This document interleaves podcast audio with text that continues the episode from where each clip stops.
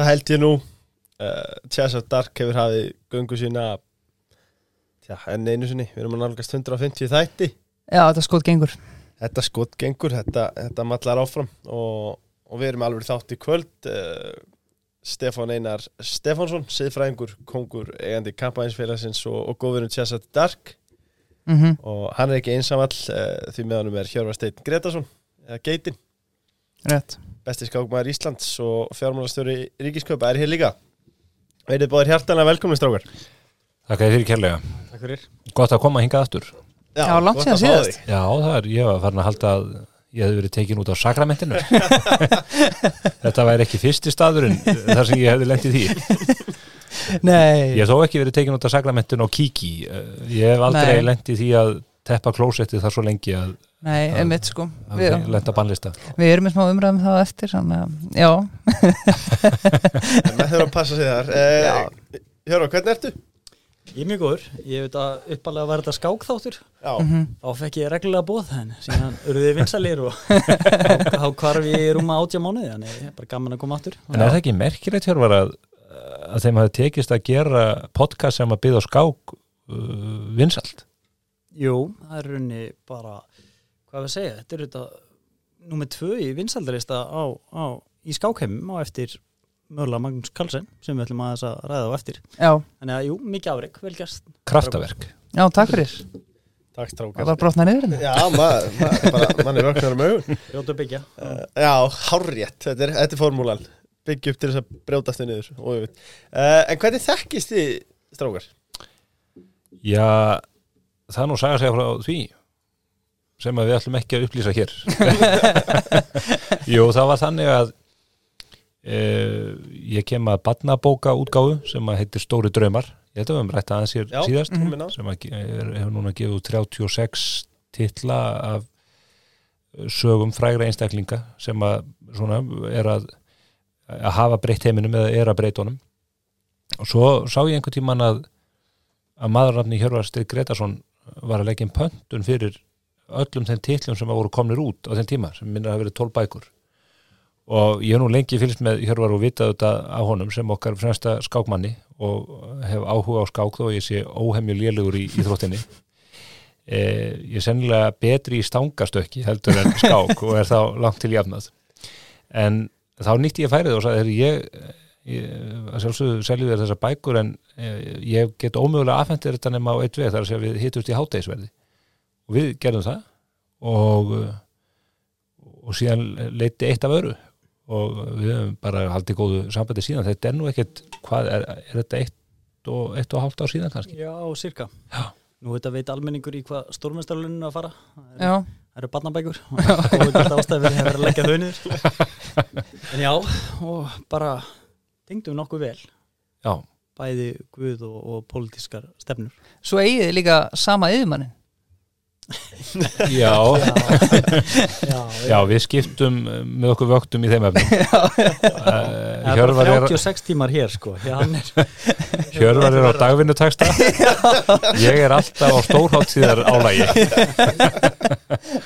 og með þriði og Já, Nei, það, það vil nú þannig til og, það, svona eru tilvíl- tilvíljanirnar í lífinu að, að um, það er svo löngu eftir að þetta gerist að þá, þá atvikaðist það þannig að, að kona mín og, og Hjörvar fóru að vinna saman og gera það enn í dag í, í, í merkilegum verkefnum. Já, og ég held að það hafi verið fengur fyrir stofnununa sem að hún stýrir að, að fá Hjörvar til liðs við hana. Mhm, það er og, auðvitað ekki oft sem að mikið talent eh, fer úr engageirunum og yfir til ríkisins en það eru til spennandi verkefni sem að geta laða fólk í slíkt og þarna sýnist mér eitt slíkt hafa verið uh, á borðinu. Já, samla því.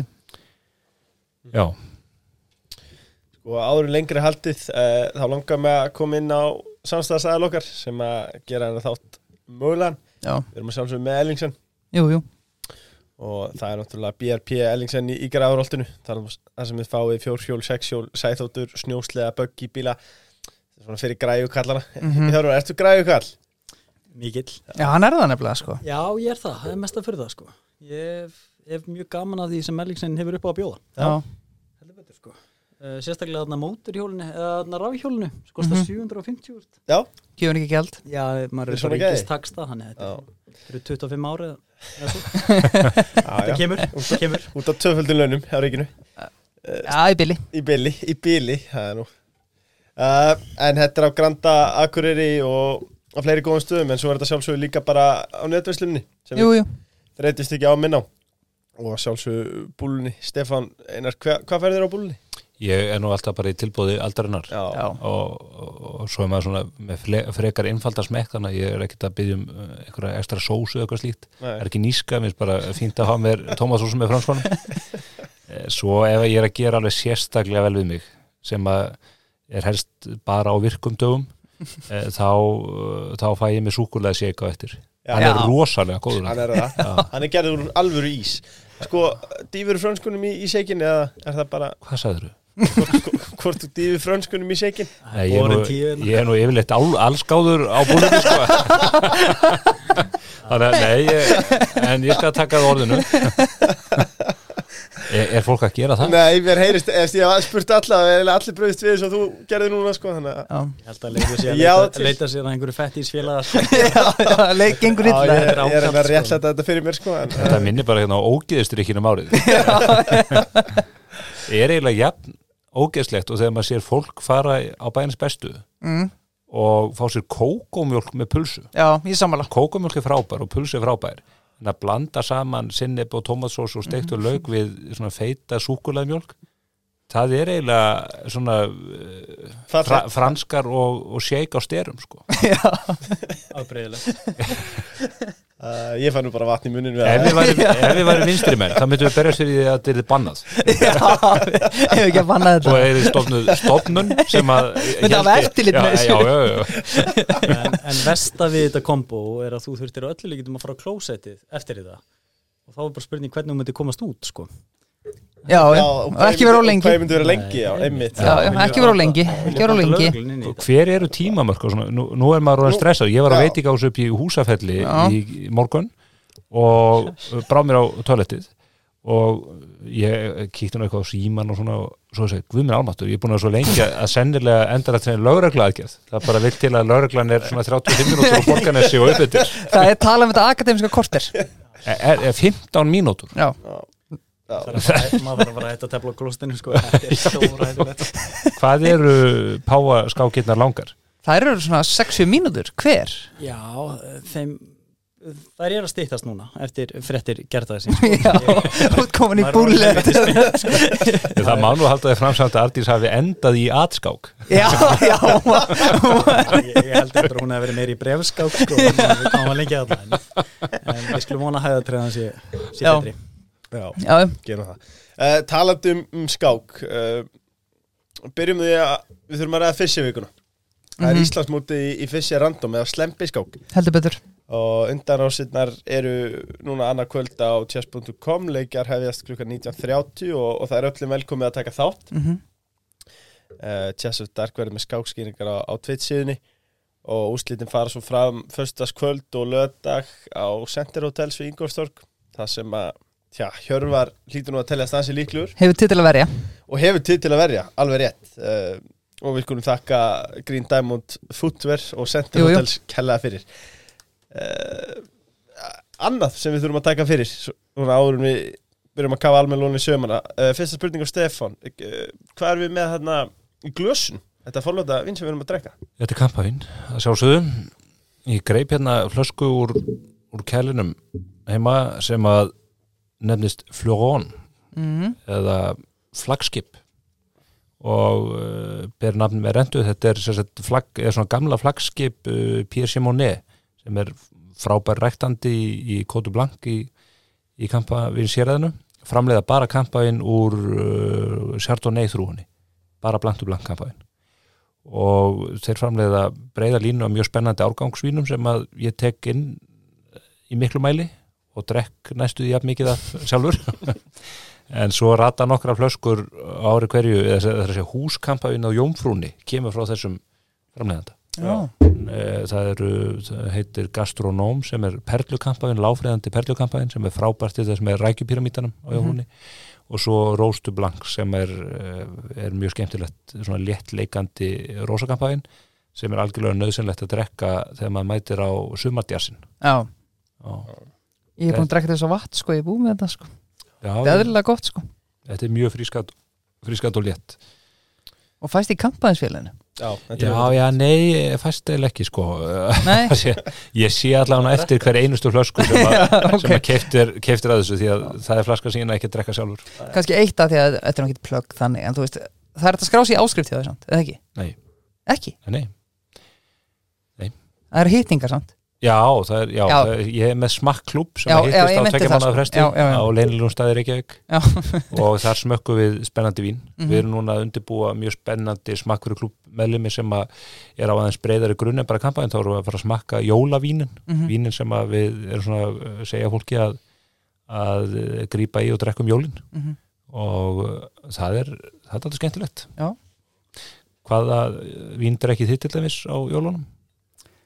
um, Ég hef Það er ekki drukkið svona vín á jólunum hingað til Nei, Nei, Það er ekki verið partur af, ekki allavega aðfanga veist, Nei. ég hef drukkið vín á jólunum en veist, það er bara eitthvað vín sko. það er erum mikil sko. það er svona, gu- eða svona gamall síður í Íslandi þegar að svona vín var meira tabú einhvern veginn og meira tengt við ölfun og slíkt Mhm. sko, bara eins og sterkvinnin að það átti ekki að drekka vín á jólunum og páskonum, af því að það voru heilaðar hátíðir Einmitt. en þetta er þetta, að því að þetta eru hátíðir að þá eigum við þetta að drekka vín, gott vín með góðu mat. Mhm. þegar Jésu frá Nazaret uh, uh, Jésu frá Nazaret mætti í, í brúköpið í Kanna þá breytti hann vatni í vín. Nákvæmlega. Og við veisluborð og uh, við kvöldmáltíðina þá nettu menn að sjálfsögðu víns. Og það eiga kristni menn að gera á þessum stórháttíðum Já. en það skiptir þetta mestu að vera ekki að drekka einhverja rafgeimasýru. Það, það, það verður að ef maður er elda góðan mat og þá maður að drekka gott vín það er svona, Já, það, það er skilabóðin Ég held að margir með takta til sín. Það er orðað svona Já, er þetta mesta vandamáli samt við Stefán er að hann geti fengið mann til að trúa að maður sé raunverulega að drekka mjög fínt vín sko. Þetta gæti verið vatn hann hefði sko. geta mætt með eppasáðan og ég væri bara- að við varum að drekka síðustu flöskuna síðustu þrúinni og við værum hér Þetta er nú líka, það er nú það sem fólk stressa stundum upp þegar það situr með mann á veitingastað og heldur að maður sé einhvern veginn búin að pæla þetta allt út og vita allt um þetta sem er þetta miskinningur og segir bara, ég, ég, ég þarf ekki að segja þetta ég, ég veit ekkert um vín og ég er ekki eins og þú og eitthvað svona, en staðrendin er svo að þetta snýst ekki um þekkingu. Þetta snýst um upplifun. Já. og það snýst um það hvort að þér þykir vínið gott eða ekki. Og ef að vínið er gott þá skiptir ekki máli hvað það kostar eða hvað það er en það reyndar er síðan þannig að eh, vín sem eru góð þau kosta yfirleitt meira. Já, og, eh, og og já, það, það er fylgni í því. Ég hef oft sagt gæði kosta. Já, það er bara, það er algjör fylgni í því e, í víni. Og ég er ekki þar með að segja að fólk er alltaf að kaupa dýristu hlöskuna í rekkanum. Mhm. það er það mótið, það þarf auðvitað að huga fleiri þáttum. Og það er til mjög góðir framleiðendur sem kosta ekki kvítuna úr augunum. Mhm.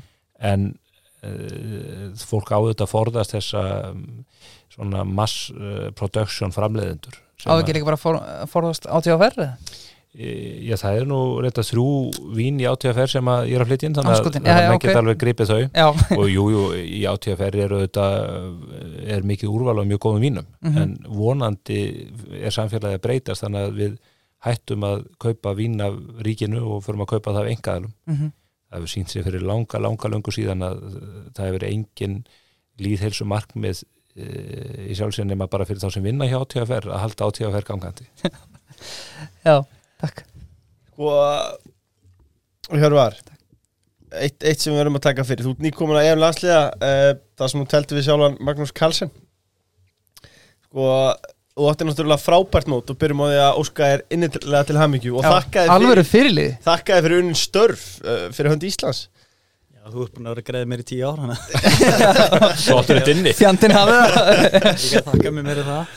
Uh, Nei, en hérna, hve- hvernig er tilfinningi samt að mæta Magnúsi Carlsen? Já, það er bara mjög erfitt að lýsa því ef ég segja alveg svo er. Uh, Byrjum á því sko ég fæ aðeins að skemma fyrir að þarna endilega. Þú fara að vita, ég man að höra að senda á mig þarna um kvöldi uh, fyr, Hvað vissur með miklum fyrir var að vera að mæta Magnús Karlsson og fyrstu viðbröð Við fáum sérst að vita það klukkan tíu kvöldi áður við værum að mæta Nóri en það var ekkert alveg vitað að hann myndi tefla.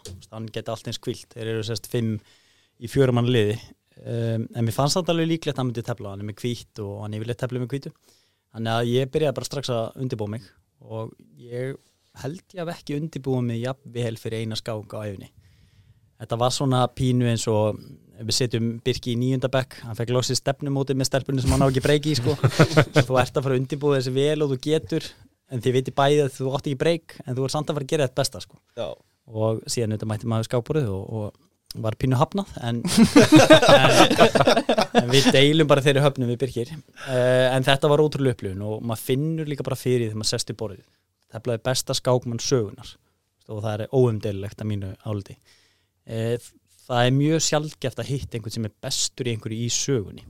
Mögulega Stefán Einar í, í, fræðslu Vín uh, kampæn mm en það er mjög sjálfgeft og maður finnur alveg fyrir því þegar maður situr anspænis einhverjum eh, eins og Magnúsi. Og ég verða vikuna, ég er ekki oft stressaður við skákborðið en ég var mjög stressaður þarna. Varstu lítill? um, Já, já, vissu leiti um, en enga síður þú veist, ég var samt staðra á nýði að, standa með vil skákina því ég Mhm. hugsaði með mér það geti verið bara fyrsta og síðasta tækifæri sem ég fæ gegn Magnúsi. Þannig að, og við erum þetta, þú veist, ég er hluta liði þannig ég vil standa mig fyrir liðsfélaga mína. En uh, það var mikið grínast með það fyrir skákina að við værum eitt núlundir og það auðvitað hafði ákveðin áhrif á mig uh, kemsárif þannig að, en sem betur verð til er ég góðu liði, góðu liði og við náum að vinna fyrir álur einn álur Skinjar það, ef ég má skjóta inn í Skinjar maður það frammi fyrir honum að þarna er risi? Sko hann er þetta ekki risi líkamlega en eh, hann er svona, já, maður leifir sér að fullera það andlegur risi sögulegur. Alveg klárlega og maður finnur það þegar maður byrjar að reikna maður byrjar svona að pína að efastu sjálfa sig. Og sjálfsturð í skák skiptir alveg gríðulegu máli. Mm Mhm. það þarf að flæða daldið þú varst að treysta reikningunum og ég fann það bara þegar ég byrja að reikna dýpra og dýpra ég hugsaði, nei, nei, hann er búin að sjá þetta, hann er að leika þessu og þessu að maður er fljótur að byrja að sjá drauga. Og það er held ég það, það forskot sem hann hefur haft í mjög langan tíma. Því ég held að menn með 2700 stíð sem eru topp 100 í, í heiminum eru líka að upplega það sama og ég bara ekki jafn miklu mæli. Þannig að, að, að alveg klálega sko, við, hann, mér leiði svona eins og að vera með þúsund augu sko. hann Já. klárar það bara í kollinum ekki á borðinu þetta Já, að vissu leiti sko, að vissu leiti því miður sko, eins og mann er langar að segja veist, að maður uppleiði ekki og, og allt það, en, en það er rauninni bara dálítið þannig og það er rauninni ekki hægt að setja þetta í samingi af því að veist, þetta er einstaklingssport og, og svo framvegis, þú veist, eða með eitt leikmann sem er afbyrðar, það getur herjað á einhvern annan. En e, í skákinni þá, þá er það bara einn á einum. En þetta er líka þannig, þú veist að ef að Jón út í bæ eða bara einhver random stórmestari er að dæla mótið þér og hefur að leika sömu leikjum en Karl sem var að leika þá er kannski bara ekkert kiftið upp, upp eða þannig. En bara því þú veist að þetta er Karlsen þá maður kannski að mikla allt fyrir sér og það ekki? Alveg klárlega og svo þetta kom bara í ljós þetta skákina, veist, við erum búin að vera vinnir í, í um það vil tíu ár og, og hann sagði bara já, ég er búin að tefla þess að sömu skák nánast þrís og sinnum Já. á undanfarni viku bara í hraðskák, þannig að hann vissi nákvæmlega hvað hann var að gera á hverju tímbúti kannski ekki nákvæm staða, en samt sirka planið. Mhm. þannig að hvernig er þetta að keppa við þetta, það er gríðarlega erfitt má ég aðeins skjótinni fyrir ekki að ég skuli, þið getið bara í framstrákar við hjörðum klárum þetta hérna. Það er kampænsflaska í, í skottinu, ég fáið bíleiklana e, með Karlsen er hérna hver er framtíðans í þess að því nú talaðum við þetta dalið þegar menn eldist og samt er þetta svolítið svo golfið og þú, þú getur orðið eldri í þessu en öðru sporti og kannski komið óvart. Hv- verður hann heimsmeistara nýju eða hvernig heldur að þetta spilist út fyrir hann? Er hann bara konar eitthvað stalla sem hann þa- þarf ekki að leita slíkra vegtilla Ég held að mér finnst mjög líklegt að hann sé svona formlega í rauninni hættur. Ég finna bara því ég tala við hann að höfuð hans er ekki á sama stað og það var fyrir nokkrum árum. Mm -hmm. þegar við töluðum saman fyrir nokkrum árum og bara þess vegna í fyrra eða hitti fyrra þá var hann að tala stanslust um skák nú þegar við hittumst þá var hann að tala um hvað hann væri spenntur fyrir að fara til Miami á köruboltaleiki og gera eitthvað allt annað. Og ég held að hann sé bara sattur ég held að, og ég, eins og ég segi, ég var einn af þeim sem að gaggrindi ekki hans val að tefla ekki upp á heimsmeistaratitilin mér fannst það eðlilegt af því að það að tefla upp á heimsmeistaratitil í skák færst í því að þú ert að stúdera einn og sama anstæðing í sex mánuði í einhverjum sumabústaði, í einhverjum fjallakofa í Nóri Mhm. um, og það er ekkit endilega gefið að það, það sé mjög lífsfyllandi. Þannig að ég skilda mjög vel og mér finnst mjög líklegt að hann er ekki afturkvæmt í svona hina hefðbunnu skáksenu umfram það bara tefla hraðskákmótum og svona það sem veitur honum ánægi og eins og ég var að segja við strákana, strákana fyrir þáttinn að uh, hann sést tók ákvörðunum að taka þátt í Evrópumóti landsliða með því að nota app í símanu sínum þar sem hann kastaði tening. Bókstaflega kastaði upp á það hvort hann yrði með eða ekki og þá var hann bara að hugsaði já ég er svona 50-50 hvort ég hafi áhuga á því að taka þátt í þessu móti. Ég ætla að láta einhvern annan ákveða fyrir mig sem var þá app. Mm Tenningunum er kastað. Já, þetta er einhvern veginn að kasta bókstaflega, sko. ég veit ekki hvort það var íbúin að segja jókermyndina en, en þetta var svona eins og ég segi, þetta sagði mér mjög mikið hvar hausinn hans var Mhm. og er. Og bara allt í góðu lagi minnugna en, en leðilt að missa hann af því að, að við höfum í raun ekki annan kandidat eins og Magnús til að vera í fyrirsvari fyrir skákina. Nei, klárt mjög langt í hann sko. Sko, bara til að slúta skákumræðinni uh, Við endum hann í 2004 seti eða eitthvað og Hjörvastensi frábælega sem fyrirli uh, Er það þarna, að því við erum alltaf að tala um ístingan kallast í fótbolta og fleira þarna að mögulega eru bara góðu tímandi búnis Er það sama í skákinni veist, eh, með gullaldi kynslóðan og fleira veist, er þetta Já, þú varst ekki eins og hugmynd þegar gullaldakynslaðum var uppi sko, hann að ég veit ekki Nei, nei, það maður er heldur langt síðan. Já, já. En, en algjörlega, ég held að við höfum það bróf gott til að vera góður í skák. Mm af því að á einhverju tímbúti þá þarf hver auðvitað skákmaður að gera upp í sig. Er ég að fara að vera í skák eða er ég að fara að vera í einhverju öðru? Og auðvitað ykkur kostnæðar ábætagreiningun á því þá, þá er hann ekkert mjög hliðhóll skákinni. -hmm. þannig að eh, ef að maður getur verið í hvaða starfi sem er á Íslandu átt að betra en, en hvað við segja, skákmaður í topp 250 Mhm. þá er valið frekar einfalt sko. Já. því miður sko, en það er að koma öflug kynslu upp núna en Já, já. ég vona að, að sé eitthvað að, að byrsta til Já, klárt. En við óskum Hjörvar til aðmengi með frábæran ánugur alveg fyrirli, okkar fyrirli eins og ég segja Sko, uh, Stefán uh, þið eru að fara að stað með þáttaröð Já, eða þætti Já, á mbl.is mm sem er langstæsti vefur landsins Já. Það er að segja, það er nú stundur að halda þið fram í einhverju markasefna vísir sér stærri en mókin þeir eru stærri þegar þú tekur Instagram vikunar í burtu uh, erum, það þarf ekki að taka neitt í burtu. Uh, ég met stærð vefs eftir umferðinum hann, það er að segja hversu mörg klikk koma. Ok, og á degi hverjum er svona 30 til 40% fleiri klikk uh, á morgunblasvefin heldur í vísi. Það eru fleiri daglegi notendur hins vegar á á vísi, vísi já. en þeir bara klikka miklu, uh, lesa miklu minna. Þannig að mest lesni vefurinn er, er MBL smá útútúr en hann verður þetta langmest eh, lesni vefur landsins eftir að við förum að stað með þennan þátt sem að verður í, í verður á komandi vikun settur í beina útsendingu klukkan 2 á föstudum Já, og heitir Spursmál ok. Og þetta er svona fyrsti alvöru íslenski hard talk þátturinn bara Takk. í raun ó ritskoðað efni mm þar sem ég fæ fólk í settið einn, tvo eða þrjá í senn og uh, geng kart á fólk um það að svara satt og rétt og uh, það verður ekkert um, skilið eftir Nei. það verður engir fangarteknur þar Og þetta verður í betni á MBL? Já, og uh, ég get nú upplýst um það hér svona kannski aðeins og undan áætlun, vonandi að verði ekki rekin fyrir það, áður en að þáttunum fyrir lottið, að fyrstu viðmælendur mínir verða, það verður tvekja turna tal, uh, milli Kristrúnar Frostadóttur og Takk. Þórdísar Kolbrúnar Reykjör Gilvadóttur. Það er þáttur maður Já. Það er verður, það verður þáttur og, og kannski fáum við svona skýrari mynd en áður á það hvort þeirra sé líklegri til þess að verða e, svona næsti stóri leiðtói á hennu pólitíska sviði á Íslandi. mm Ég ætla hann að hef áhuga því að, að kalla eftir sjónamiðin þeirra og láta þær bí- bítast álitið um, um þau mál sem að hæst ber og kannski flokkarnir hafa verið að leggja áherslu á. Og ég held að það, þetta efni vanti. Silfrið er náttúrulega bara... Það er dáið. Ég, þetta er orðin eins og mjög langdregin líkvaka. Hvernig er Silur núna? Er ekki, Ég. Ég, hvert fyllt tungl eða? 2009. februar og hverju ári. Nei, þetta er, ég veit ekki eins og klung hvað er núna Þetta er alltaf 22.15 á mánudum og ég verð að viðkenna sko að ég er alltaf bara meðvitundalös á þeim tíma þó ég sé ekki sopnað sko. Svona, Þú að rífast á Facebook held ég. Já, já, ég er nú með, ég er með hérna gerfigreind í því. Þetta er ekki ég.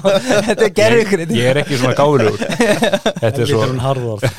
Já, hún er helviti orð maður tvíkar þetta til það snýstu fínstillingu ég silfið þetta andvarafætt það var miklu betra þegar það var á, á uh, sunnudöfum kl. Já. 11 og ég held að þeir myndu flytja það á sunnudaskvöld eins og er mikið í Skandinavíu Mhm. kannski kl. 9 á sunnudöfum að byrja vikuna með trukki það ge- gerist það sjálfsög ekki uh, sprengisandur eins og hann er efnislega fýtt þáttur en það er svona kannski ekki mikið púður í honum Mhm. og ég held að við höfum alveg ég held að við höfum efnað því Íslendingar að, að hafa svona fastanlið þar sem að e, bara er farið skorinn oft í hlutina.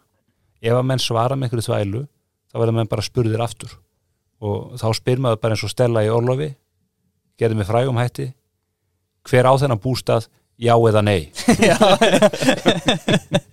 Já takk. Ég veist nú magna að Þórdís hefur verið tilbúin að mæti inn á þátt þetta snemma í sinni stjórnatíð sem fjármálar Já, þetta verður alveg bara aðdánuvert Já, og það eru bara báðar mjög flott, ég hef þekkt eh, Þórdísi og Kristrúnu í mörg ár og það eru báðar eldklárar og öflugur og það eru þetta forréttindi fyrir land eins og okkar að, að ungt, mjög öflugt og velmentað fólk eins og þær, hvora á sínu sviði Þórdísi er lögfræðingur og Kristrún er hagfræðingur, skuli fara í pólitíkina því að þær, þetta eru konur sem að getur verið í topp stöðum í atvinnulífinu mm uh, hvað sem þið síndist Klárt. Og en þær hafa ólíka menningar og það er líka sem að mér finnst vanda dálítið á í uh, pólitíkin í dag við uh, línurnar eru mjög blörraðar. Fólk veit ekki hvað flokkarnir standa fyrir. Eitt af því sem þarf auðvitað að spurja Þórdís út í er, eru til dæmis skattahækkanir sem hún hefur stutt og tekið þátt í. Mhm. þá spurja auðvitað kjósendur hvað fæ hver er munun á þér og vinstirmönnum sem að þó bóða hækkanir og standa við það en þú bóðar lækkanir en, en hækkar. Já. og þetta eru hluti sem er bara mjög sangjant að láta þetta fólk svara. Mhm. og ég treysti því að þau hafi haldbær svör sem að ég sætti mig við. Já, því annars bara gerum við allt vitlaust. Ég ætla líka að segja, lóks er komið þáttastjórnuna sem er ekki að fara að leifa neitt múður sko. ég er eh, eins og menn sjá á Facebook ekki, að, ekki sérstakri með söfnunar áráttu fyrir vinum. Nei, eh, maður hefur frekar söfnunar áráttu fyrir því að, að hlutirnir standi eh, svart og hvítt á blæðinu Já, þetta verður, það verður, ég mun allavega stilla að inn. spennturinn, engin vettlingatök. og hver er þessi áttur? Eh, Sko, hann er klúan tvo förstum, við stiltum hann klúan tvo förstum þannig að ríkistarsmennindi geti fyllt með að fullur aðtekli því að þeir verða þá búin að vera svona allavega styttingu klukkutíma í vinnutíma styttingunni þeir geta búin að koma sér fyrir heima Það er að yfirvinna Láta henni í baðið. Já, yfirvinna. Ekki að gleyma yfirvinna Búin að núlstilla sig aðeins. Já, uh, eftir langa Já, vá, við bjóðum hjartalega til leiks nýja vinn okkar og hérna, það er bara takk. Já, Nei, já, það, hérna við, við kíktum, Hjörvar og, og Birkir, við kíktum fyrir þátt og já, þetta var nú aldrei svel út í já, látið. þau komum allra saman þetta. Já, Nautalund alveg í, steik, í sko. chimichurri, Já, klikkaði ekki. fullt af frönskum Já, nóa frönskum, þær voru, þær voru góðar. Já, það voru mjög góðar. Þetta chimichurri var samt líka eitthvað annað sko. Já. Það var bara komið til Söður Ameríku þarna. Já, þetta var, þetta var eiginlega fárlega gott. En svo er þetta líka, sko, útisvæðið er, er gott þetta, Ekki núna ekki núna en þú allt, bara, þetta þetta er bara góðu staður og hérna, Bóki bár næsta sumar, út í sveiði já, en, en gaman að hérna, alltaf gott að fá eiga góða að. Og, og það er það sem Duck and Rose er, sko. Vi, Við erum heldur betur búin að snirta garn og, og vanda valið í, í samstagsæðlum já, já, og við gerum vel í því. Já, uh, ég ætla líka að minna luxusbrönsin, uh, luxusdöðurinn, það sem uh, getur fengið brönsi þetta eigin vali, pönnukökur og, og botlösa drikk í tvær klukkustundir, Já, takk fyrir. 11, 30 og 15 og, og hérna Já, þeir vilja færa umræðan yfir í, í hlutabriðamarkaðin mm og við sáum fréttir þess efnis að stjórn Marel hafi hafnað tilbúið í JBT uh, stjórnundur lífeyrissjóða voru ekki áhuga samur um óskuldbindandi tilbúð bandarska fyrirtækisins. Sko þeim þótti gengi og látt og ósprendi og, og, og, mögulega líka kannski áttu samt að, að fá greitt á stórn hluta með hlutabriðum í elendu félagi. Uh, þetta er nú heldur betur búið að hrist upp í hlutabriðamarkanum sem hefur verið í já, skulum við segja ákveðinni lægð Hvað segið þið strókar? Hvað finnst okkur um þetta? Ef við byrjum bara á þér hjörur Já, já Lífeyrissjóðunir væntarlega eru að horfa á, á 967 gengi sem var hérna fyrir einhverjum mánuðum Það er erfitt að horfa upp á hvað 480 eitthvað þannig að þeir eru vendarlega bara ekki til að sætta sig við þetta. Það er betra en að horfa á 320 Já, já, Já, það, það reikni vilji þarf að vera loftið, það er betra vissulega. en síðan í bandarísku hlutabriðamarkaður hann hefur auðvitað lúta bara einhverjum öðru lögumálum en aðri hlutabriðamarkaður upp á síkasti sjáum það bara í svona helstu vísitölum. Þannig að já, ég held að það sé svona hluta til að, sjálfsög vart kannski bara að, að sætta við það að Marl er á þeim stað sem þeir eru og, og, og taka það sem þú getur en, en ég, ég get alveg skila að lífur sjóti segi nei við þessu við sáum að það var eitthvað hræðsla með að vera að koma enn önnur mílusa- mílusalan hérna erlend, erlendir aðeinslega að kaupa íslensk fyrirtæki uh, er þetta ekki bara eitthvað þáður eða? Já, með við hvað Vil við, ekki bara fá erlend fjármagnin inn eða? með við hvað við reynum að ganga í augun á, á Evrópu og restina heiminum alla daga með, með regluverki þá er alveg magna hvað við erum ekki tilbúin að fá erlend fjármagnin en það mjög sérkynlegt Já, Stefán, hvað segir þú?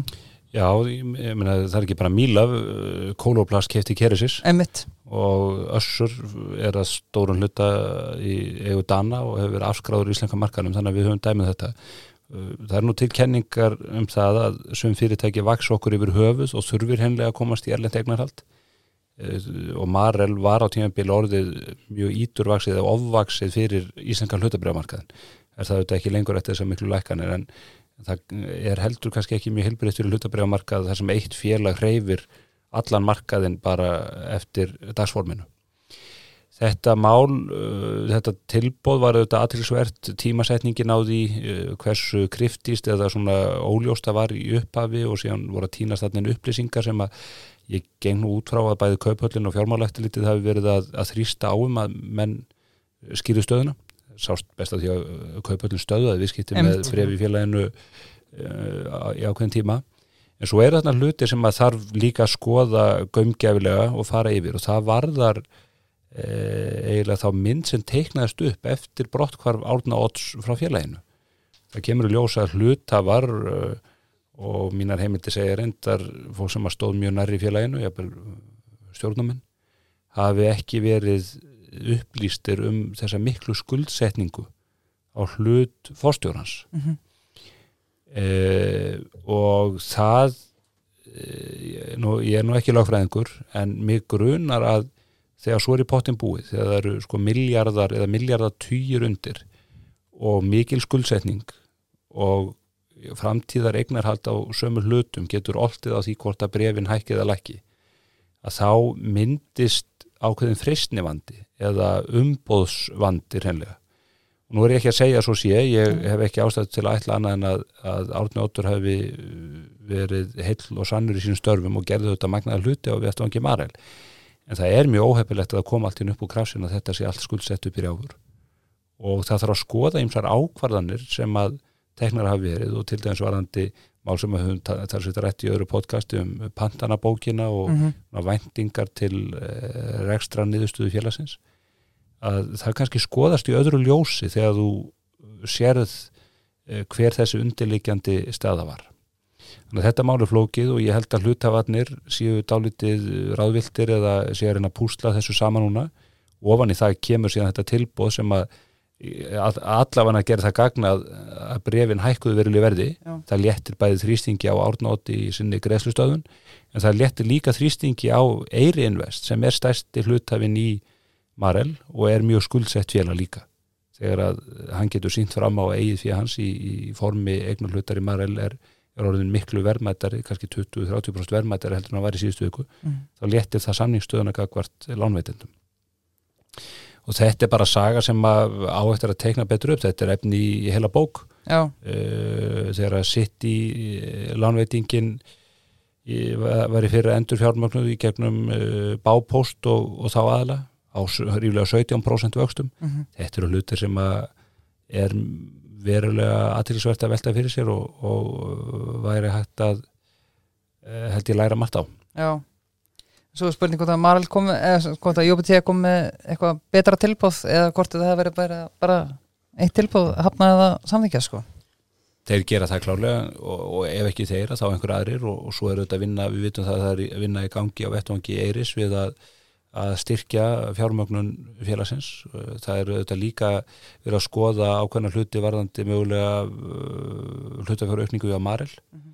eh, sem að þeir getur þurft að ráðast í vegna skuldsetningar af völdum kaupan á vengar þetta er, þetta er sjálf sem bara mjög spennandi en þetta er auðvitað líka mjög alvægt mál því að Marel er fyrirtæki sem skiptir miklu máli fyrir Íslands þjóðarbú ég held að Marel skipti líka talsveit miklu máli fyrir eh, svona sjálfsmynd markaðarins Mhm. Marel hefur verið eitt af stoltum Já. okkar samanlega því Já, við hefum ekki komist inn í erlenda vísitölur hefa ekki verið fyrir Marel sko. Nei, Já. og það gætir hennilega stöðvað auðvitað eh, frekar þróun í þeim efnum ef það er dett út Ég er samt mjög sérkennilegt að það var verið að gaggarinn Arjóbanka fyrir að ganga þessu tryggingum Já, að gaggarinn að banka fyrir að að að vera að lána félög sem fara síðan í, í þrótt Mhm. og síðan er verið að gaggarinn að banka fyrir að ganga tryggingum sem að En, en, en, en býtu sko samkvæmt þessari æsifrétt sem að já, ég já, las þarna hjá heimildinni Já, já. þar sem að hafa nú ímislegt heimildin góða. Dreigið upp og alls konar kenningar teiknaðar upp þarna. En, en, en sko samkvæmt þeim heimildum þá, þá fara þeir sko 1% ur- undir veðþekjuna held ég að hafa verið.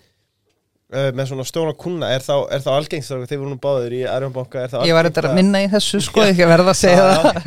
Hérna, að þetta sé, að þetta sé leist til sín. Eða er ekki oftast reynd að finna einhverja lausn á svona málum? Það var pottið reynd samt eh, byrja að segja það. Já, Nei, ég held ég ekki, ekki ef þetta var bara eins og eins og þessu líst í heimildinni 1% undir veðþekjuna Já, en það hvað, að en, gert að yfirlega ráði sko. en hvað er búið að gerast á undan því? Vistu, við erum að sjá að gengi fyrir að 967 með minnir og fer síðan í einmitt 320 við vita hafa minn áhyggjur. Þetta er vantilega að rísa stór fyrirgæsla en mér finnst alveg nokkuð eðlilegt að menn grípi til aðgera á en að er orðið bara of seint og ég finnst að bara mjög líklegt að það hefur verið upp á teiningunum að menn hafa bara gífulega áhyggjur á Marel. Menn eiga ekki að eh, auðvitað kasta góðum penningum á þetta vondum. Og við reynda að það er annað svona mínidæmi sem að kom upp á svipuðum tíma sem að minnir á það að það er ekki ráðnum í tíma sér tekið. Það er ákvörðun Halldórs Benjamins Þorbergssonar uh, fórstjóra Reyins um að minka stöðu sína í framvirkun samningum. Hann hafði farið mjög djúpt inn í félagið eða alveg ótrúlega djúpt þegar hann tekuði fórstjórastólnum Mhm. uh, gerði framvirka samningu upp á 200 miljónur minnum mig á genginu 25,4 síðan hefur gengið bara síið og svona framvirki samningar bera vext upp á 11, 12, 13% Já, hann sé dýri samningar. Og þannig að hann er að taka á sig en það, og kannski má segja eftir á higgja að það hef ekki verið skynsanlegt að fara svona djúft inn í þessa stóru framvinsku samninga. En það má þó allavega segja að það sé skynsanlegt að við nú er þetta aðstæður og hvernig, með það hvernig hlutur á að þróast að, að stíga þetta skref að, að losa sig út úr stórun hlut af þeim. Og nú veit ég ekki um það en mig gruna nú kannski að þessi örlögu árnátt svo hvernig úr hefur spil, spilast að vestavekja Marel hafi verið aldrei wake-up call fyrir, fyrir aldómenni mín.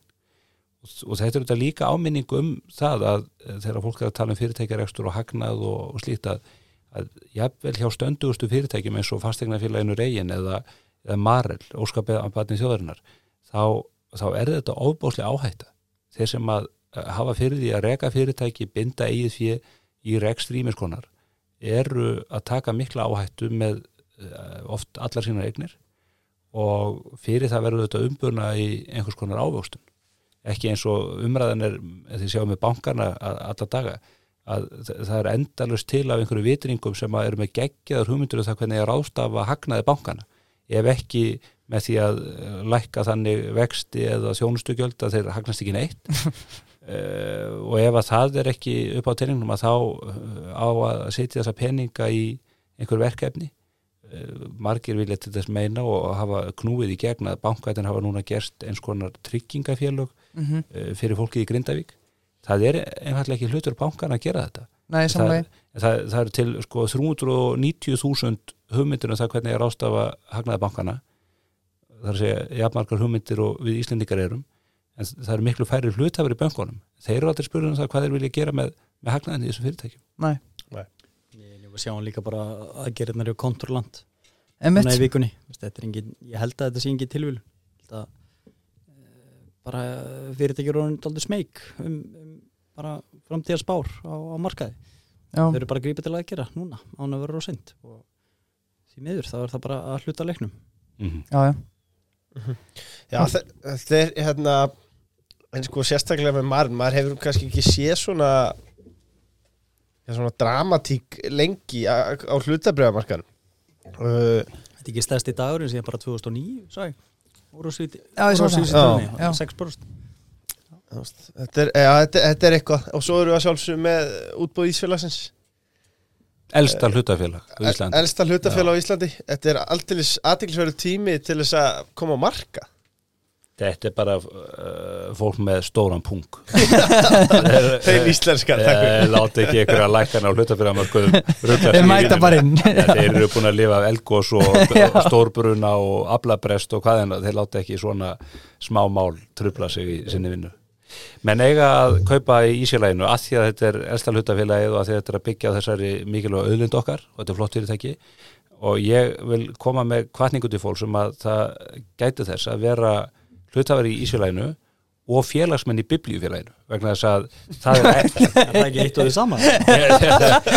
Já, einhver myndur segja það. Ég, Þetta segi ég að fullur alveg vegna þess að, að biblíufélagið er elsta starfandi félag í Íslandi stopnað 1815 Takk. Og menn eiga þetta að bakka upp það sem er gamalt og gott og hefur gefist vel. Já, Þetta er ekki félag sem er að fara að hverfa markaði í bráð sko. nei hvað, hvað starf, ef ég mætti spyrja Stefán er, er biblíufélag að vinna svona frá degi til dags Þeir eru Viltu fá langasvarið? um, já, kannski svona í nótskuld bara Biblíufélagið hefur haft frá upphafi það verkefni að viðhalda þýðingu íslenskunar á 66 bókum biblíunar. Við erum svo merkileg þjóð að árið 1584 gaf Guðbrandur Þorláksson út fyrstu heildarútgáfu biblíunar á íslensku. Prentuði 500 eintökum og, var, og er sennilega stærsta menningar afreg sem að unnið hefur verið á Íslandi. Og við vorum held ég 19. þjóðtungan í heiminum til þess að eignast þessa miklu bók á, á þjóðtungu sinni og með þessari þýðingavinnu þá mótaðist íslenskan eins og við þekkjum hann í dag þetta er mikilvægast að framlega til varðveslu tungunar síðan þá hefur biblía verið hérna, þýtt eh, svona um það bil tíu sinnum Þorlásbiblía 1644 Steinsbiblía 1732 svo Væsinarsbiblía, Hendersonbiblía Reykjavíkbiblía, Viðarbiblía og þessum fleiri. Og síðasta þýðing kom út 2007 ég maður rétt og, þetta er allt þýtt úr frummálunum, grískunni og hebreskunni og það er það sem að biblíufélag heldur utanum að viðhalda þessari þýðingu og á höfundaréttina þessu. Og alveg óhað því hvort að fólk trú á Guðið ekki sem að hérna er, er bara hversmanns engamál að þá verður ekki fjöðu dregin við það að þessi textar eru þetta grundvallar textar í öllu, allir okkar menning og í læsi okkar á bókmentum og því sem að við bara byggjum allt okkar lifibröð á. Þannig að eh, ef að menn alltaf ekki að vera heimskir í, í, í svona henni víðustu merkingu þess orðs þá verða menn að kunna skila á þessum textum þannig að ég, eh, ég treysti því að þið farið heim að lesa þegar þið komið heim í kvöld. Þetta var alvöru stóðsending Það ég, það ég máti í þremmu Þetta var var, ég kastaði upp í spjaldi og Stefán kemur treður um, mjög gott. Sko já, hérna maður er bara slegin út af já en þú veist það er spurning hvort að biblíufélagi geti eitthvað að hjálpa íslenskunni í dag. Það er að segja finnst ykkur þetta ekki sorglega þróun? Hafið þið eitthvað fylst með því hvernig krakkar tala í dag? Hvað TikTok og, og þessi mi- miðlar að hafa mikil áhrif á íslenskuna? Mm. Svakalega.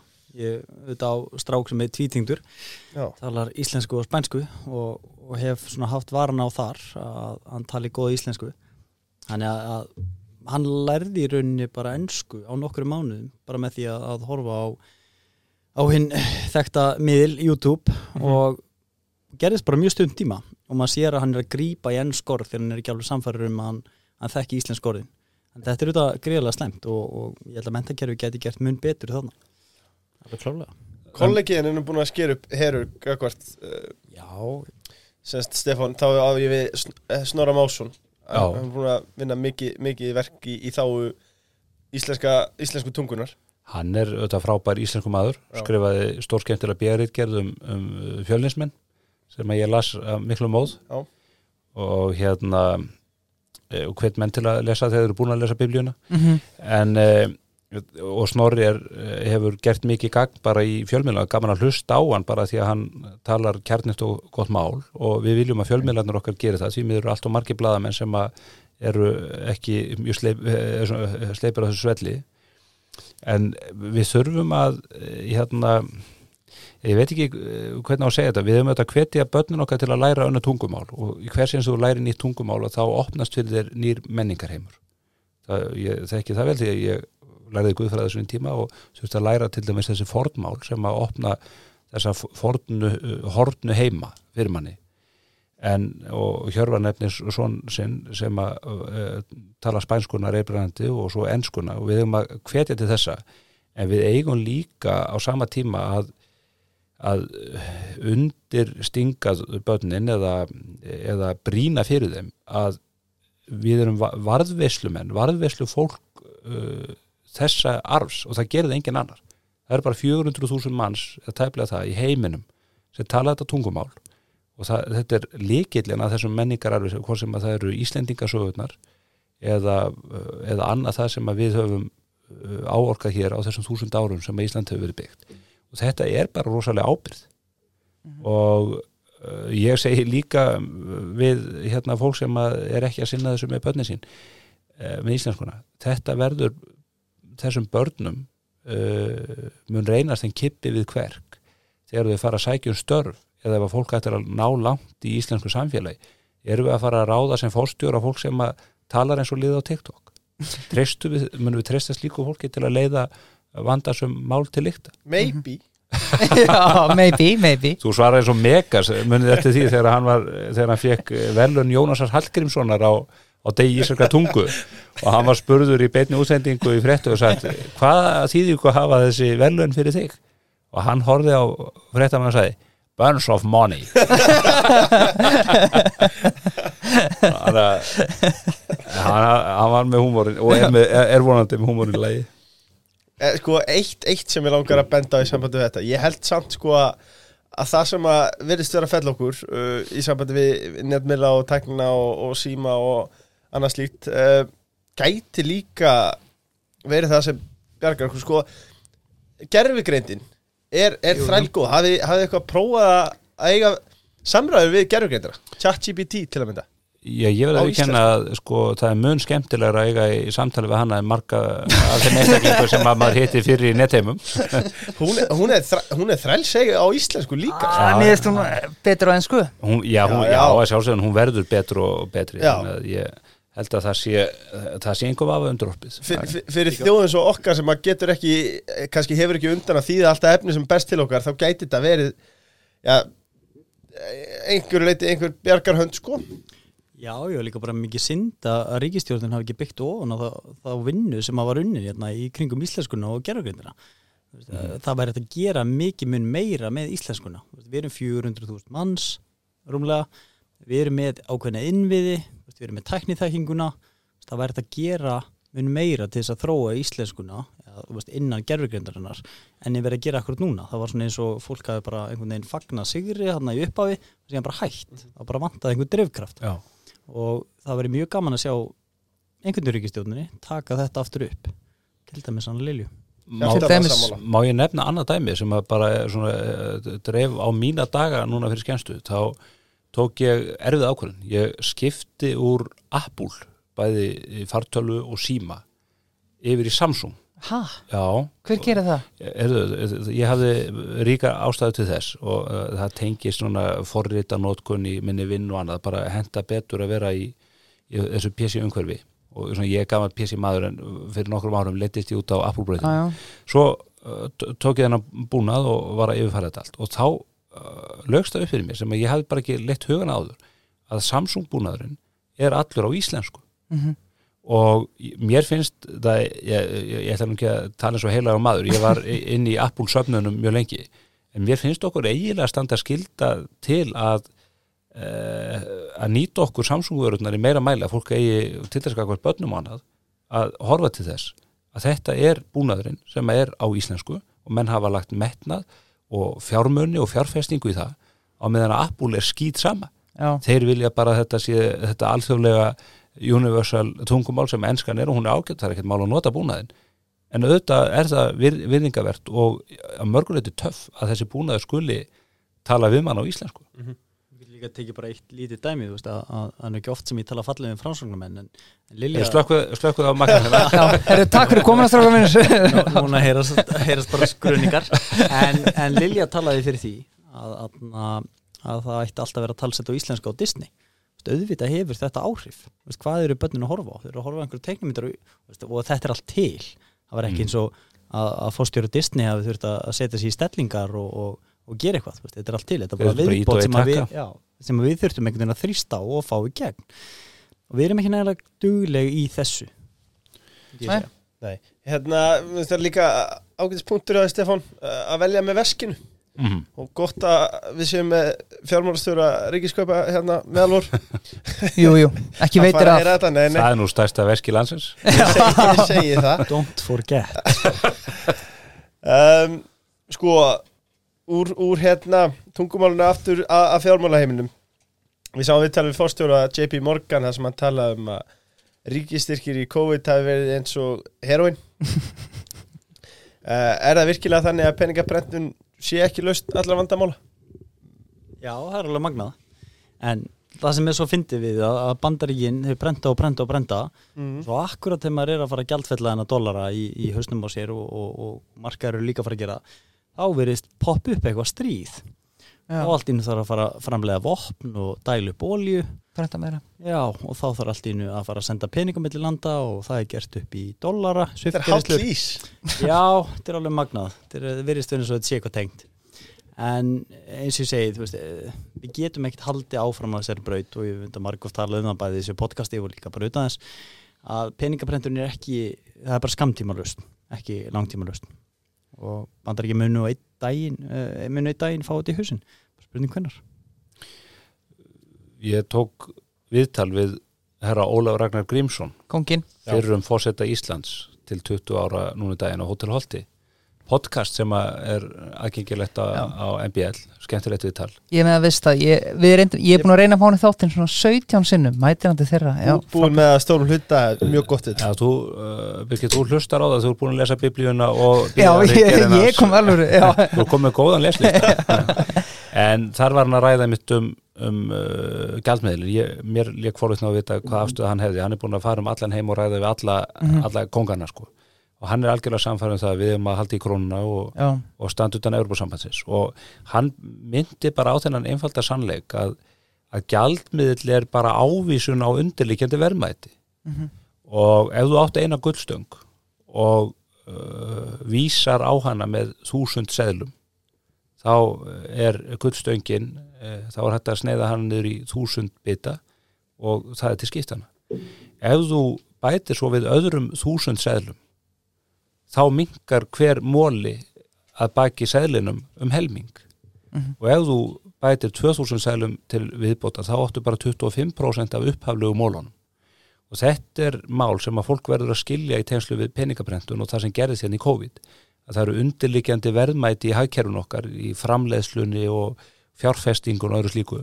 Og ef þú prentar endalust á krónum uh, sem ávísun á þessu verðmæti að þá þetta rýrnar gildi gjaldmiðsins þannig að þegar menn átt að segja að krónan hefur rýrnað 99% kakar dönsku krónunni frá því að við eignast okkar eigin gjaldmiðl og öll þessi þvæla sem að menn er að stunda og láta eins og krónan sé gerandi því að þá er það bara vegna að við höfum staðið við prentvélarnar og, og, Mhm. og, og, og rasaðum ráðfram í þessum efnum og uh, í, í COVID auðvitað í ofanálag við það að prenta alla þessa peninga gagvart undirlíkjandi að þá þetta rýrnuðu verðmætin í samfélaginu líka. Við urðum auðvitað fyrir miklu tjóni þegar aðfangakeður allt þetta, allt þannig að mögnunar áhrifin gengu í báður áttir. Og þetta þekkja bara alla þjóður sem standi í peningaprentum, hvort sem það eru bandarækja mennið ekki, þeir reyndar eru í þeirri sérstöku stöðu að þetta er raun eini allserjar galdmiðil veraldarinnar. Og svo eru þetta bandaríska hagkerfið á grundvelli frelsis þess að, að maðurinn er frjálst til verka og aðtapna og getur auðgast á dugnaða sínum að þá eru, ég minni sko að bandaríska þjóðin sé 5% af, heildarfjölda eh, mannkins en þeir framleiða 20% af öllum verðmætu sem verða til í heiminum á hverjum tíma. Þetta er ótrúlegt fyrirbæri. Af hverju gerir Evrópa ekki eins? Það er vegna þess að við höfum búið við svo mikinn sósialisma og mikla miðstýringu og þvælu alla 20. stöldina. Ef að við höfum fetað þessa sömu braut sem að bandrækjuminn gerðu, þá væri auður uh, Evrópu miklu meiri og það má reynda að færa rauk fyrir því að, að þessi velsælt hér á Íslandi að hana megi rekja til þess að okkur hefur á mörgum sviðum tekist að brjótast út úr ríkis uh, forsjáni og ef að ef að það hefur ekki verið gert á grunduhelli e, minna regluverks heldur en við annar staðar og svona þvingana hálfur ríkisins að þá er það vegna sem við höfum bara ekki endilega hlustað á regluverki eins og það er sett upp sko. Mhm. Þannig að það fyndið að segja frá því að eitt verðmættasta fyrirtæki í Evrópu varð svona verðmætt við það að leysa vandamál sem er bandarist Novo? Já. Bæn sem er offita. Já. Þannig að við, þetta geti verið að snúast við en þetta er alveg horrið Já. Evrópa hefur leiði dvala allt og allt og lengi þegar ekki mér þessu. En já, ég er svona er ekkert allt og spenntu fyrir hönd bandaríkjana ef að, ef að til dæmis kynverðarnir og sátarnir fara að gera upp ólí í öðru annari mynd mm þá held ég að dólarin eigi eftir að falla ansi Já, skart niður. Klart. Uh, Já, til dæmis sko, ég, ég þreytist ég þreytist ekki á að segja það, sko, það er mjög áhugavert að ræða til dæmis þessa hluti við ChatGPT sko, Já, af hverju ertu að gera það núna? Nei, þú veist, ég, ég, ég, tók það um daginn sko bara í heim, þetta er samt bara eins og að spjalla við félaga sinn Já, já, og, og var bara að spyrja af hverju dollarin væri einmitt höfumynd uh, heimsins. Og hvað væri því til fyrir stöðu að Evran er það og það var einmitt, þá var eins og Stefán kemur inn á uh, frelsið og einingin stór þáttur. Jú, jú. Og, og fleiri góður uh, hvet ykkur til þess að nýta ykkur chat GPT Já. en frekar. Ég er hefði bjana með þetta er að bjarga mér sko. Já, þetta er, þetta er segi það bara. þrælsniðt um, Já, við skulum bara skauta nokkur hatti við þetta. Það er komið að Waterclouds Já, uh, við vorum að fá nýja sendingu Birkir bæn ég er búinn að vera að býða og býða og býða ég er búinn að hérna var, já, sko, byrðið að voru á þróttum af, af hardstyle já og, og ég er komið nýja sendingu þar og, og Þú manst nú þegar Fortuna stelpunar þú segir eitthvað, já, mér vantar votaklass í hárið og þá sagði hún, það sést. Já, já, mér að pakka saman. Þá, þá, Þið eru bara best greittu en að þið getur lendi í kvirvilvind og þetta myndi ekki bærast. Nei, ég veit, það, þetta myndi ekki reyfast eh, líka, þú veist Þetta er svo varnangarðanir Nei, miklu betra, miklu betra sko. Já, það er spurning hvort að Waterclouds geti eitthvað komið að, að Grindavík uh, geti eitthvað að hjálpa þér Ég ætla ekki út að luka Nei, nei, en uh, það er 15% afsláttur með kóðanum CAD CAD uh, inn á waterclouds.is Já. og, og þeir vilja fara færa okkur yfir í, í hérna pólitíkina. Sá, já, sá, uh, sáum fréttið þess efnis í, í dag að fylgi samfylkingarinnar. Því miður, að dvala. Að dvína, já, mælist í, í 26% og, og minkar um 2% á milli kannana, uh, flokkurinn mælist þó en langstærstur sjálfstæðisflokkurinn með 17,9% uh, marktækum munur á milli Samfo og XD í nýju mánuði röð. Sko er ekki bara eina svega staðfest að, að við fáum vinstri stjórn eftir næstu kostningar Já, sko, Kristján Frosta þarf að mæta með frændu sína á ballið, sko. Þá mun komið ljós hverjir þeir frændur eru. Það eru kongar. Finnast verulega held ég í, í þessum atkvæðafjölda. Þú ert að þú held tala um fram, með frambjóðundur Já, ég, sko, hún er mjög flott en, en. Er það þótt að gleyma umræðinu hverju er á bakveðana? Já, hún er bara það flott að hún held ég skikki á restina en, en það þarf við að fylla þingið. Og hún getur ekki gert það ein og sér og, og þannig að ég held að það muni þinnast verulega. Já. þegar að, að fólk verið kostningaklefun og sér nöfni sem eru þarna sem að enginn þekkir sko. Já og kannski um, munum menn þekkja einhverju þeirra? Þannig að gengið út frá því að varaformaður Guðmundur Átni Stefánsson sem er þekktur og gammal dreifur í pólitíkinni verði en svo gerist það líka þegar að smáflokkar eins og samlingin þetta er auðvitað uh, pínulítill flokkur á þinginu í dag. Eru þau hvað, eru þau fimm, fjö, fjögur? Já, eitthvað svolítið, fjögur af þeim Cirka, já. það, það, hérna þetta er bara svo að kljúa atómið að, að tvístra fundi hjá þeim, þetta er svo lítið. En, en þetta er auðvitað smáflokkur og, og, og nú stefnir í að hann vinni stórsigur. Og þá kom allir lukkur í og það er eitt það flóknasta sem að menn lendi í pólitíkinni, það er einmitt að stilla á lista án þess að lendi því að fá alla rugglutallana í annað og þriði og fjórðasætið Mhm. og svo byrja kostningabaratun og þessir menn eh, eða konur sem eru svona innstiltið fá mikrofónin og þá er fjandinn laus. Og það verður mjög vandarsamt verk fyrir hana En getur hún kannski bara, þú veist að þið, þið segið þetta að na, þeirra nærtilegu kostningum að þá mun komið ljós hverju fyrir aftan hana en getur hún kannski bara búlað þetta einn eða, eða munu kjósendur sjá af hverju ættu kjósendur allt í einu eitthvað að blasa við, við einhverju einhverju jólasenna það baka hana? Ég, það gerist alltaf hún þetta mætir ekki hún mætir ekki kapraðunar í öllum kjördamánum og annað þeimdur það verður, þetta verður trikki mm og hérna uh, og, og svo þetta má ekki gleyma því menn tala þáttið um Kristrúna eins og hún sé nýja brum eða svona nýji sölupunktur en hún auðvitað var aðal sölupunkturinn í síðustu kostningum þó að Lógi Einarsson hafi leitt flokkinn í stærstu kapraðum manna meðalans kapraðum sem ég stýrði upp á MBL þá var hún ekki bara vonastjarnan heldur sölupunkturinn. Og uh, þegar þú ert komin á toppin og ert komin í kostningabaróttu sem verður alltaf ögli í lokin. Þá er þetta beina spjótin helst að þeim sem að hafa mesta fylgið, þá hungaði mest að sækja. Og þá, þá verður verulega kallt á toppnum. Mhm.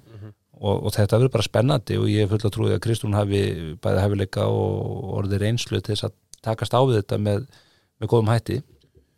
En svo er eitt eh, segjum að þau fái ég held að það er stórsigur fyrir þau að þau fengið 25% ég held að það sé líklega að þau verði dansandi að einhver staðir í kríku 20% þá þarf að stilla saman strengi við fleiri flokka til að ná upp í e, e, 32 til 33 þingmenn. Og eh, þar er nú ekki endilega um auðvangar að gresja. Það er eh, meira af svona fólki í bóði sem að þú vilt ekki vera með heldur en fólki sem þú vilt vera með. Og, og það mun reynast Kristúnum vandarsand því að þú vilt heldur ekki leiða ríkistjórn sem að er alltaf á uh, bara barmi þess að springa eða stjórn sem getur ekki að þú getur ekki komin inn um alvöru stefnumálum í gegn öðru í svona lendi einhverjum óbóðslum hrossakaupum. Að þannig eru svona þetta eru ymsi pittir til að varast. Ég ætla að spáði líka að já, það kemur ekki óvart að miðflokkurinn eigi eftir að rísa rætt í fylgi núna þegar svona kannski líður eitt ár að kostningabaráttu og Ertu að horfa í hærislendar og já, ég held að hælisleitendamálin muni spila þar mikla rullu því að þar erum við bara að lenda í mm stórkoslu vandræðum, munum lendi í enn meiri vandræðum og ólíkt eins og svíunum þá höfum við einfallega bara ekki her eins og þeir Nei, til að takast á við það. Hér eru, þið sjá þessi gengjastrið núna sem að við erum að fá svona smjörþjafina með hérna, byssu árásum og stungum inn í fangilsum við höfum bara ekki mannskap eða afl til þess að takast á við uh, alla þessa glæpaöldu sem að eh, fylgir þessum, þessum breytta samfélagsmiðstri.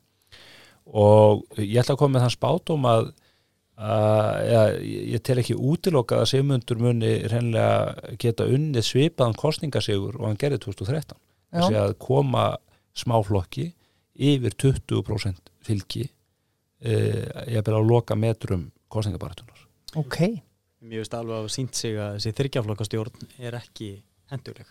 Nei, nei. Það er akkurat vandamál sem að Stefán er að lýsa ef, ef að samfélging fær 20-25% hvernig var að mynda stjórn að, Það verður þryggjað fjögur sko Já, það verður bara mjög vandasamt og, en verður samt líka komin að það það verður aldrei verið jafn auðvelt að vera í stjórnarlandstöðu og akkurat núna sko. Nei, nei. Það er ansi auðvelt það er nú ekki að sjá Nei, en það er svona ansi auðvelt að benda á það sem betur mætti fara finnst mér í Já. augnablikinu. Veikleikar, það eru miklu veikleikar í þessu stjórnarsamstarfi og ef, ég held reyndar að, að þessi stjórn væri sprungin eins og ég hafði spáða með til að gerast í, í november e, og ég, ég spáði reyndar að þetta er í oktober og svo aftur núna í november ef ekki hefðu komið til jarðhæringarna á Reykjanesi.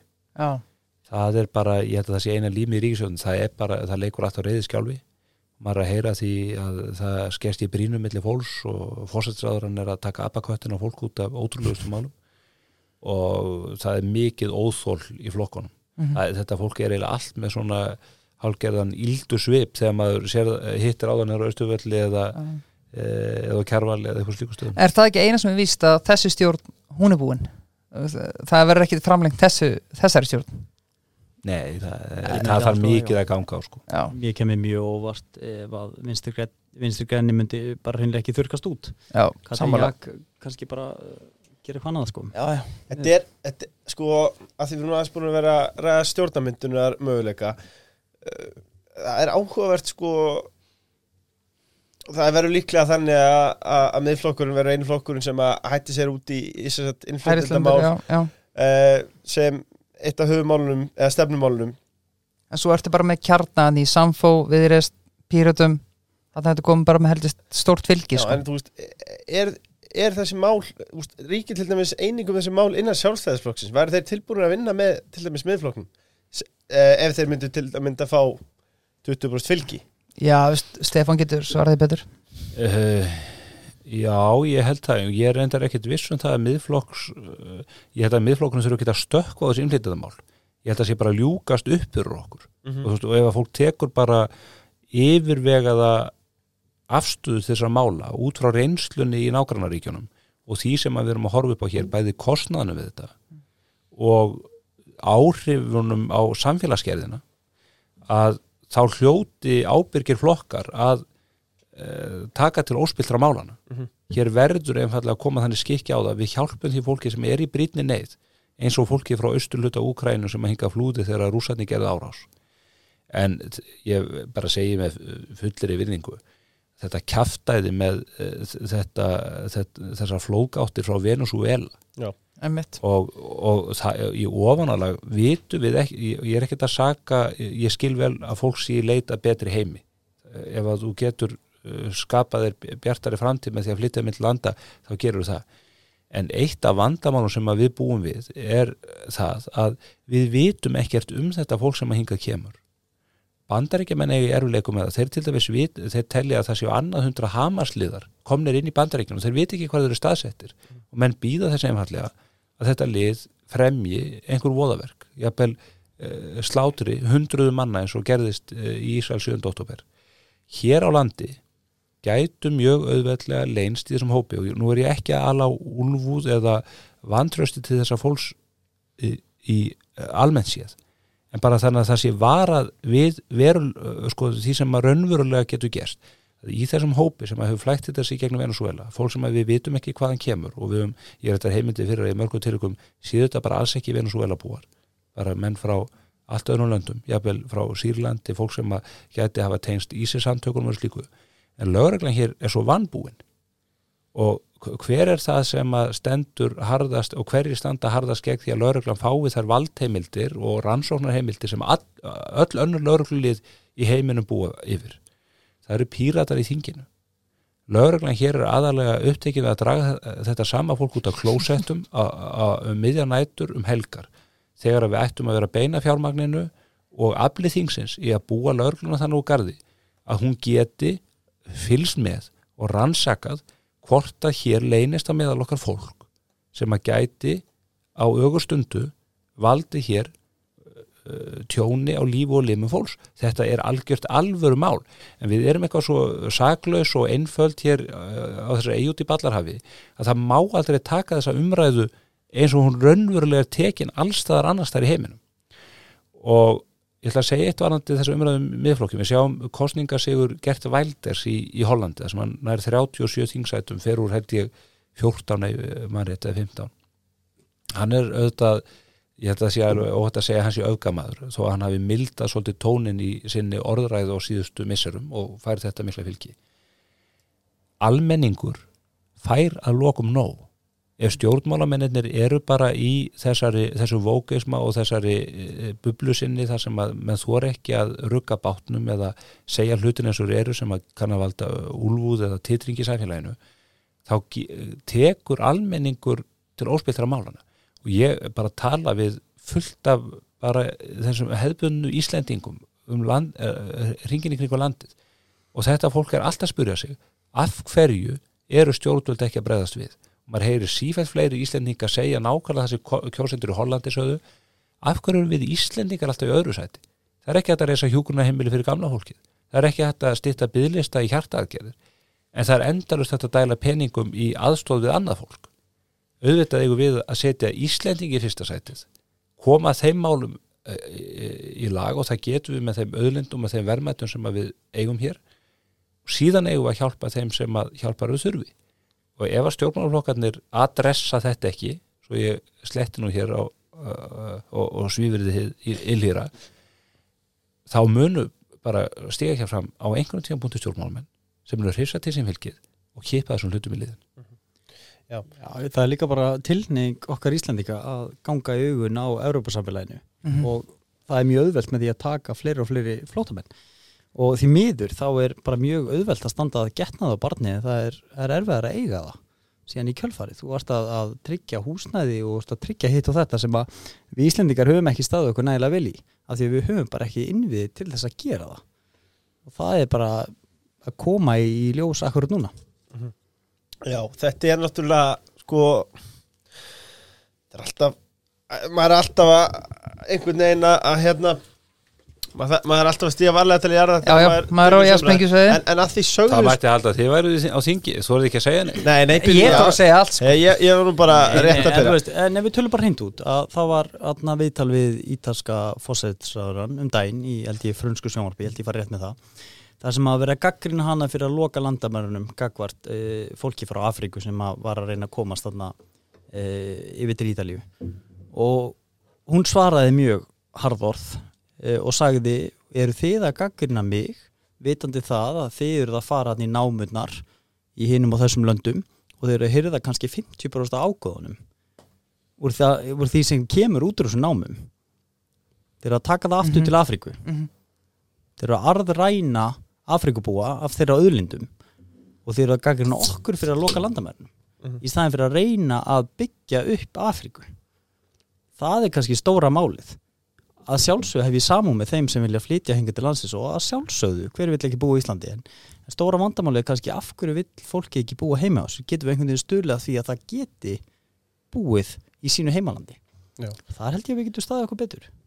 Sko, það, sem- það sem ég ætlaði að koma inn á varandi þetta væri, sko, það sem að þyrst að stíga varlega til jarðar uh, maður, maður náttúrulega verður fyrir ógrinu upplýsinga uh, á degi hverjum og, og maður þarf svolítið að velja og hafna hverjum maður uh, hvað maður tekur inn. Já, já, já. og það er svolítið byggt á einhverju sín sem maður hefur og, og þar framöndu göttunum en, en sko það var fyrir, fyrir mig sko fyrir mitt leiti var það ákveði hérna, ákveði vakning þegar Jón Gunnarsson þá var hann dómsmálaráður að mætti til okkar eh, og satt hérna á mót okkur eh, þar sem þið eru strókar og, og, var að ræða þennan vanda.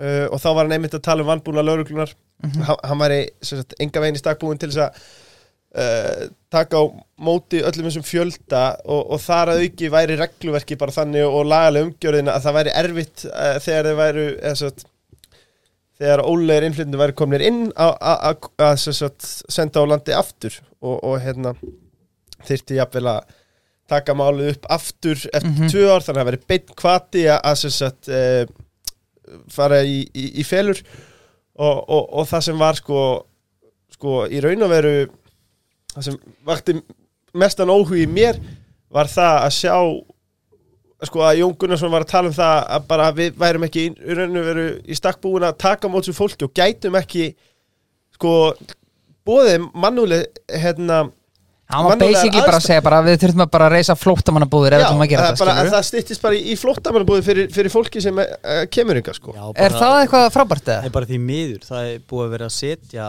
e, flóttafólk í einhverja krummaskuðs fyrði hérna á Íslandi og segja síðan, verið velkomin til Íslands, gangi ykkur vel. Já, svolítið svolítið þetta því nú, miður, það er ekki bóðlegt var þetta nú afdróttalist fyrir því, Stefán Einar?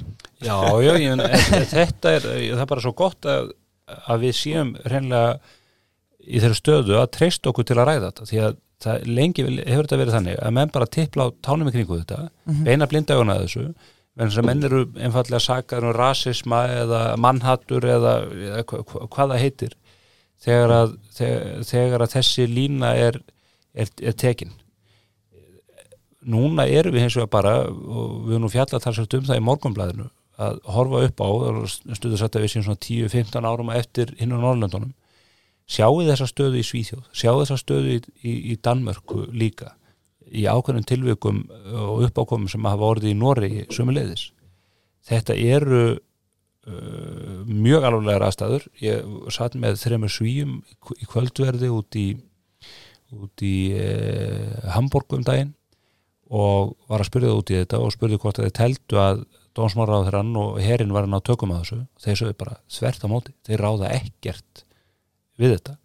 Og, og staðreindin er svo að þetta kemur þetta er ekki vegna þess að í hópi innflytjandi eða flóttamanna sé bara þetta sé tómt ílþýði það er bara þegar að það, það skólar inn í eitt samfélag stórum hópi fólk sem næri ekki aðlagast næri ekki tungumálinu næri ekki uh, að koma sér upp atvinnu við hæfi, uh, koma sér inn í mentakerfi og annað, þá verða til algjörlega eitraðar aðstæður. Og svo inn á milli eru skemmt epli og glæpa klíkurnar sem hafa verið að reyðra um sig hér á landi líka. Þegar þær ná fótvestu þá nýta þær sér þetta umhverfi eh, sem er gróðrastýja ofbeldis og, og uh, eiginlega svona mannfyrirlitningar. Og, og þetta, er, þetta er svo alvarlegt mál vegna þess að við höfum ekki þessa burði, svíhannir eru búin að breyta lögjöfinni hjá sig þannig að herin geti gripið inn í aðstæður vegna þess að lögreglan var búin að gefast upp við höfum ekki lögreglusræðu við þetta og við eigum engan hér Já, hvað, hvað ætlar að gera? Legu, voru ekki að tala um þetta var þetta í þættið offer það sem að bara, það eru bara svæði í síðu sem að bara löggan mætir ekki inn eða? Bara herin sem fer ágæðin, ég held að Stefán sé einmitt að vísi Það er bara, ég minna það eru íslenski læknar sem að geta sagt ykkur frá því bæði frá Gautaborg og Stokkólmi og Malmö líka. Þar sem að sjúkraflutningafólk fer bara ekki inn á svæðin. Það er ekki mjög langt síðan að það var viðtal við uh, skurrlækni uh, í Svíþóð Íslanding Það er eins og í bíómynd, strákar. Ef, ef við hugsaum um þetta raunverulega, bara sjúkraflutningafólk hætti sér ekki inn í ákveðin hverfi það er bara Já, já, nánast óhugsandi sko, í okkar nákvæmlega er, er, þessi skurrlækni sem ég vísi, hann hefur tekið á móti fjölda fólk sem hefur orðið fyrir skotára sem þessar að glæpa gengja og hann segir að það- erfiðasta sem þeir að fástu núna er að glæpengingin eru búin að læra að eru svo ósátt við hvað eh, læknunum hefur tekist vel til við að, hérna, tjastla mönnu saman þannig að þeir eru farin að þjálfa sér sérstaklega að skjóta fólk með þeim hætti að valdi sem mestum skada og mestir nýðurlæng og þeir, til dæmis, hann sagði þannig í viðtaluna þeir stunda það skjóta menn í rassin þannig að það sé víst að menn eh, geta aldrei lifað eðlilugu lífi aftur jafnveg þó að sé að haldi í lífinu.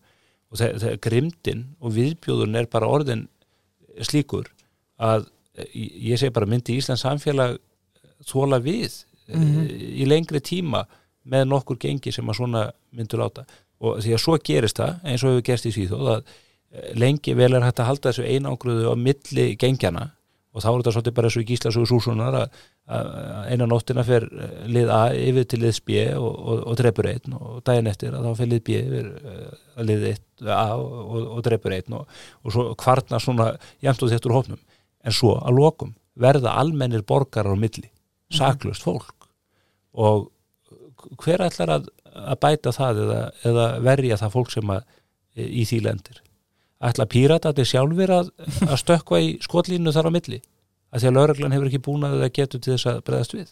Já, En Vandamáli er líka að fólk er að keppast við að friða sáluna því að segja að við skulum taka eins marg og við getum. En uh, ef við tökum bara fyrir þú veist andleg helsa Íslendinga henni hefur rakað gríðarlega á síðustu áratugum. Ímyndið ykkur að við séum að taka fjölskyldur mjög oft sem er, hafa verið í stríðsastæð þar sem mögulega er búið að drepa einhvern í fjölskyldunni.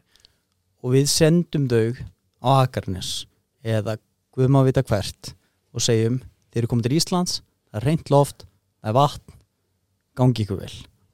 Ég Þetta að mannvonskan sé nú ekki svo svakalega þið myndu senda fólk á Akarnes en, en kannski grunnu bara þetta sé nú sem gáða borgnesingur Þetta eru einu göngin okkar. Nei, nei, en, en, en enga síður þú veist, Við erum ekki að taka fulla ábyrð á því að taka við flóttamönnum og veita þeim sálfræðastóð og, og hvað þá að kenna þeim tungumálið og Já. mér fannst það mjög svona, sérkynlegt þegar ég var að ferast fyrst til Þýskalands þegar ég var að tefla að það var allt döbbað Ná, ég fæ að beita Mhm. góður íslensku ég var að horfa Friends á þýsku og ég skildi að þetta er af hverju en nú er ég aðeins byrjað að áttum á því að þeir hafa verið að taka á móti mjög mikið að Tyrkjum sem dæmi. Og til þess að Þýskalandslíf fótbolta er meira að minna bara Tyrkir. E, það er til þess að aðlega samfélaginu. Sem eru ekki tekist þóra vel reyndar. Nei, en, en samt þú heyri minna að fréttum það en, en til og með sér Svíþjóð. Þannig að þú veist, ég held að það að tala tungumálið. Ég held að við erum alveg að við erum að komast á þann stað að það er verið að mynda hverfi sem að þarf í rauninni ekki á íslenskunni að halda.